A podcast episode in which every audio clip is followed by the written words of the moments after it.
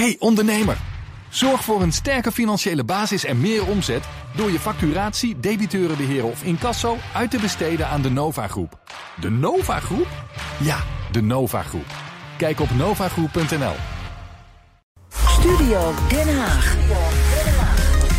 Met volle overtuiging is er gestemd. Zojuist werd bekend dat Partij van de Arbeid en GroenLinks bij de komende Tweede Kamerverkiezingen samen gaan optrekken. Ben je voor of tegen een gezamenlijke kandidatenlijst en verkiezingsprogramma van de Partij van de Arbeid en GroenLinks bij de komende Tweede Kamerverkiezingen? Het aantal uitgebrachte stemmen 19, voor is 19.638.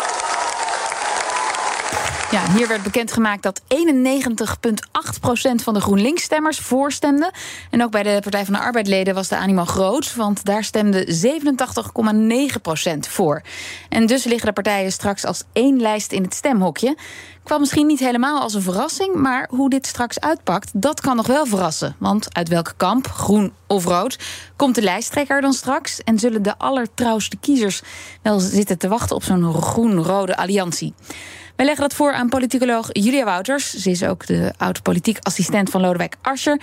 En Rishma Roepram, initiatiefnemer van Team Rood... en ook oud-wethouder voor de Partij van de Arbeid in Barendrecht. Welkom allebei. Hallo. Rishma Roepram, ja, eerst maar even kleur bekennen. Stemde u voor of tegen? Ik denk dat het geen verrassing zal zijn. Ik heb tegen gestemd. Maar dit is vandaag uh, een historisch besluit. Als zoveel leden stemmen, ja, dat is overtuigend. Maar welk gevoel overheerst dan? Nou, ik, kijk, je hoopt uh, je hoopt dat we het heel goed gaan doen. Dus ik hoop dat ik het ongelijk heb. Ja, ja. Uh, en ik wil niets liever dat onze partijen, of onder Verenigd Links of een andere noemer, het heel goed gaan doen, omdat Nederland dat verdient. Ja. Uh, dus dat is het eerste wat in mij opkomt. Oké, okay, misschien kunnen we straks nog even over op de tegenargumenten ingaan. Um, Julia Wouters, ja, hangt bij jou dan wel de vlag uit? Nou, ik herken wel een beetje wat Resma zegt. Kijk, je wil natuurlijk gewoon. Ik ben niet voor niks een P van de A. Weet je, dat is mijn clubpie. En je wil het liefst dat wij weer 54 zetels halen. Ja.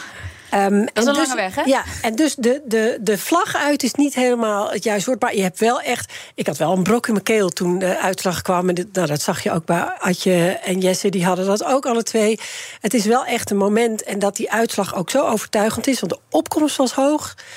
Hier is geen enkele discussie meer over het mogelijk. Dus wat je ook vindt, dit is echt een besluit wat niet meer terug te draaien is. Wat vol overgave ja. genomen is. En dat staat ook ergens voor. En dat, ja, dat, dat biedt hoop, toch? Ja, maar waar staat het dan voor? Is het dan de overtuiging die hierin doorklinkt dat dit voor links de enige kans is om als een sterk front tegen rechts op te boksen? Dat, dat is een negatieve manier om het te worden, maar het, het, staat inderdaad voor hoop. Dat er iets kan, dat we de boel kunnen kenteren, dat we samen sterk genoeg kunnen zijn om echt te zorgen dat we een stempel op dit land kunnen drukken. En dat we niet de tweede partij worden, maar misschien wel de eerste partij. En dan ben je in de lead. Ja. Dan kan je de, de toon zetten. Dan kies je uit met wie je een coalitie gaat vormen. Ja. dat betekent wat voor het land. En als je, zoals Resma en ik, ja, een rood hart hebt, dan word je daar heel erg vrolijk van. Ja, jij bent al een coalitie aan het vormen. Zeker, zeker. Ja, maar um, uh, Riesma, wat, wat, was jouw belangrijkste argument om tegen te stemmen? Nou ja, ik denk uh, dat uh, een, een, fusie is een organisatorisch aandachtspunt. Dus dan gaat het echt over de organisatie. En ik denk dat het heel erg belangrijk is en dat Nederlanders wachten op oplossingen uh, voor al die crisissen die we nu op dit mm -hmm. moment uh, in het land zien. Uh, en dat inhoudelijk verhaal, dat is voor mij nog niet compleet. Dat dekt nog niet de zorgen bij de vele Nederlanders en ook de luisteraars. Nee. Uh, ik sta met mijn voet in de klei in de Westwijk. Ik werk daar voor het nationaal programma uh, Vlaardingen-Westwijk. En daar zie je dat dus wat wij hier bespreken eigenlijk niet speelt in de wijken. En niet alleen bij mensen in de bijstand, maar ook gewoon werkende mensen, ook ondernemers. Ja, dus u zegt eigenlijk, ja, dit is een soort papieren fusie. Um, maar ik heb nog niks inhoudelijks gehoord. Of ik heb nog niet gehoord waar dan die gezamenlijke partijen uh, werk van gaan maken. Of wat hun plan van aanpak wordt. Nou, wat je zag bij de laatste Tweede Kamerverkiezingen, zag je eigenlijk dat de partijen gelijk zijn gebleven in aantallen zetels. Dus als je bij elkaar optelt, dan ben je inderdaad groter. Maar we hopen dat 1 plus 1 3 is. En dat betekent dat de komende periode er gewerkt moet worden aan een inhoudelijk verhaal. En niet alleen op thema's die heel makkelijk zijn, zoals het klimaat, waar we het allemaal over eens zijn, maar ook op vrij moeilijke thema's, zoals migratie. Ik bedoel, het kabinet is daar niet voor niets om gevallen. Ja. Uh, en daar zie ik nog wel een aandachtspunt, omdat je ook lokaal ziet dat er toch uh, anders wordt gestemd uh, door PvdA lokale okay. politie dan wat landelijk gestemd wordt. Oké, okay, dus, dus en, en, tussen GroenLinks en de Partij van de Arbeid straks in de campagne bijvoorbeeld, ja, dan wordt dat sowieso een onderwerp. Um, wat, wat zullen dan de verschillen zijn? Nou ja, de vraag is, als je kijkt bijvoorbeeld in provincies, uh, je hoeft niet ver te zoeken. Neem nou Lelystad Airport uh, PvdA'ers die waren voor en GroenLinksers tegen.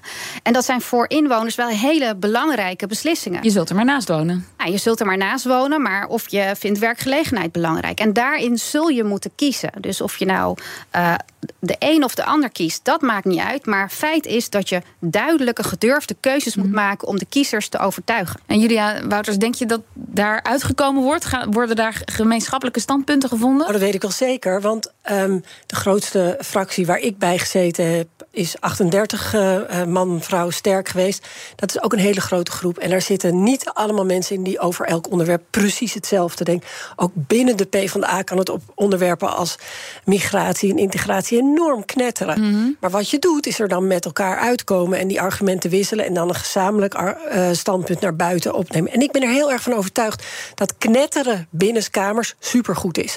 En juist die diversiteit, het zijn allemaal links progressieve mensen die allemaal opkomen voor zwakkeren in de samenleving, die een groen, uh, die klimaat belangrijk vinden. Maar ik denk juist dat door die. Uh, door elkaar te versterken op de punten die GroenLinks beter maakt dan PvdA en PvdA beter maakt dan GroenLinks, kunnen we veel beter worden. Maar, maar, toch, u heeft het over knetteren. Ik herinner me in het uh, verleden ook nog wel geknetter dat er uiteindelijk uh, uit de PvdA gestapt werd en vervolgens een eigen fractie uh, gestart werd. Oh, maar dat valt ook niet uit te sluiten dat dat weer gebeurt. Maar uh, die kleine fractie die eruit stapt, die kan niet op tegen die grote versterking. Dus ja, sommige mensen zullen het zodanig verliezen. Uh, dat ze zich daar niet prettig bij voelen. Maar ik geloof dat uh, het, het, doel moet altijd zijn om het wel met elkaar eens te worden en tot een standpunt te komen waar je dingen in verenigt. Ja, ik, ben, ik, ben het regelmatig ook niet eens met een P van de A. Dus dat kan allemaal. Nee, it's a free world. Ja. Maar uh... ik denk dat dat ook het probleem is van de afgelopen jaren van de Partij van de Arbeid. Dat we niet de kleur durfden te bekennen. En dat er intern ook echt oneenigheid was op gevoelige thema's zoals migratie. Ik kan me nog herinneren dat Lodewijk Asscher zelf een stuk uh, had gemaakt wat ergens onderin een la is geschoven. Kijk, als je kijkt naar die samenleving, als je kijkt naar de politiek hier in Nederland, zie je dat, dat er echt uh, sprake is van hokjesdenken en mensen worden in bepaalde hokjes gestopt. Mm. Maar ook de zorgen van mensen. Aan de ene kant heb je mensen die het gevoel hebben: ik heb te maken met racisme, discriminatie en uitsluiting. En heel veel mensen op links vinden die groep zielig en terecht, want dat vind ik ook. Maar aan de andere kant heb je ook een grote groep Nederlanders die zich zorgen maken over: herken ik me wel in mijn eigen land? Kan ik, krijg ik, heb ik ook recht op dezelfde voorzieningen zoals de andere mensen, zoals vluchtelingen die hier naartoe komen? En door die mensen uh, tegenover elkaar te zetten, dan ga je politiek niet verder komen. Ik hoop, en dat is nogmaals mijn hoop, dat er een verbinder komt die erkent dat die problemen gevoeld worden en dat ze die bij elkaar brengen. Nou. Ik hoop, ik, dat is mijn zorg. Met PvdA was hij al erg lastig om tot een oplossing te komen. Hoe gaan we het doen straks met nou, Dank voor de brug. Want, want er moet is niet voor bange mensen. Maar er, er moet een lijsttrekker komen. Ja. Um, de, nou ja, misschien kunnen we daar meteen even over uh, beginnen. Uh, Julia Wouters, wie, wie komen daarvoor in aanmerking, wat jou betreft? Nou, ik denk, hè, want er wordt heel erg gezegd... het is natuurlijk eerlijk als er ook kandidaten van GroenLinks genoemd worden. Maar ik denk dat er meer angst zit... dat, dat zag je niet helemaal bij de stemuitslag... maar mhm. meer angst zit bij PvdA'ers dat ze wat moeten inleveren dan mijn GroenLinksers. Waarom? Nou, omdat wij hebben uh, een beeld van GroenLinks dat ze inderdaad uh, softer op migratie zijn, omdat zij een achterban hebben die daar ook minder door geraakt wordt. Wij hebben toch een achterban die in die volkswijken woont, uh, die misschien ja, de overheid wat harder nodig hebben om zelf ook die hulp te krijgen. Uh, en, en dus is arbeid nog belangrijk. De, de, de ouderwetse sociaal-democratische bestaansrecht wordt dat vaak genoemd. Wij zijn er, hebben daar meer zorgen over of die nog wel veilig zijn bij GroenLinks. Bovendien denk ik dat de PvdA gewoon de luxe heeft, de ongekende luxe heeft, om meerdere waanzinnig goede kandidaten te kunnen noemen. Nou, kom maar op, noem ze maar. Nou, je kent ze ook allemaal. Wij hebben uh, Abu Talib, Marjolein Moorman, uh, Frans Timmermans. Uh, Kim Putters. Kim Putters. En die heeft zich niet uitgesproken of hij wil. Oh, dat is nog een detail. Ja, maar, maar Kim maar Putters, de, ook de, in die oude wijken, kennen die Kim Putters? Nee, die kennen van de Ster? Nee, ik weet ook niet of hij uh, dezelfde soort naamsbekendheid heeft of warmte. Maar het is wel een waanzinnig ja, een, iemand met hele goede ideeën... die ook supergoed in staat is om mensen bij elkaar te brengen. Maar goed, als er twee scholen fuseren... dan ook al ben je ook heel erg eh, elkaar aan het feliciteren... en vind je het allemaal een goed idee... ja, wie dan de rector wordt, dat is toch altijd weer ook een beetje een, een ego-ding. Uh, ja, en misschien dat... Daar, ja. We hadden het er net al eh, even over. Wij zijn alle twee heel erg voor Marjolein Moorman. Amsterdamse wethouder. Ja, uh, omdat ik denk dat zij het minste ego heeft van alle kandidaten. En het, het meest een verbinder is. Maar ziet GroenLinks um, dat ook zo?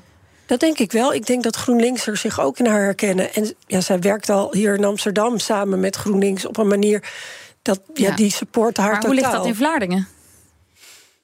Nou ja, los van Vlaardingen, als je kijkt gewoon in de wijk, ook in Barendrecht. Ja, je ziet gewoon Kijk, ik kom uit de lokale politiek. Je ziet lokale partijen die nemen het eigenlijk zowat mm. over, ook in Barendrecht. En ja, daar spelen toch echt wel andere thema's die uh, hier eigenlijk niet genoemd worden. Maar als ik terugkijk uh, naar de, de lijsttrekkers, potentiële kandidaten, kan ik nog herinneren bij niet het laatste congres, maar het voorlaatste congres. Uh, wat heel tekenend is voor onze bestuurders, is dat ze ook toegankelijk zijn. Daar was Dirk Samson en die gaf mij, ik stelde hem de vraag van joh, we hebben zulke goede bestuurders uh, en potentiële kandidaten. We kunnen toch met een eigen lijst. En toen zei hij tegen mij van nou, Frans Timmermans heeft echt gezegd dat hij alleen maar naar Den Haag komt, mits er een, gemeenschappelijke lijst is tussen ah. PvdA en GroenLinks. Ja, maar is dat dan ook niet, zeker ook met zijn Green Deal en zo, dat is toch het, het beste van de PvdA en GroenLinks bij elkaar dan?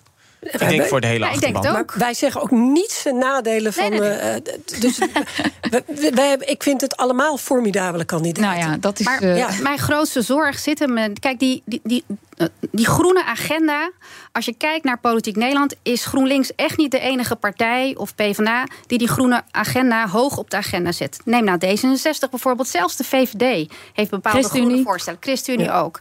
Maar een partij die bestaanszekerheid op werk en inkomen centraal zet, op nummer 1 ja, die zijn er heel weinig. En dat was net juist het belangrijkste punt van de Partij van de Arbeid. Ja.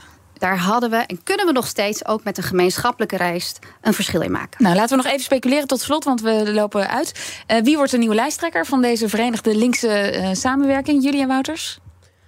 Uh, ik denk dat het Frans Timmermans wordt. Stop. En Riesma Roefran?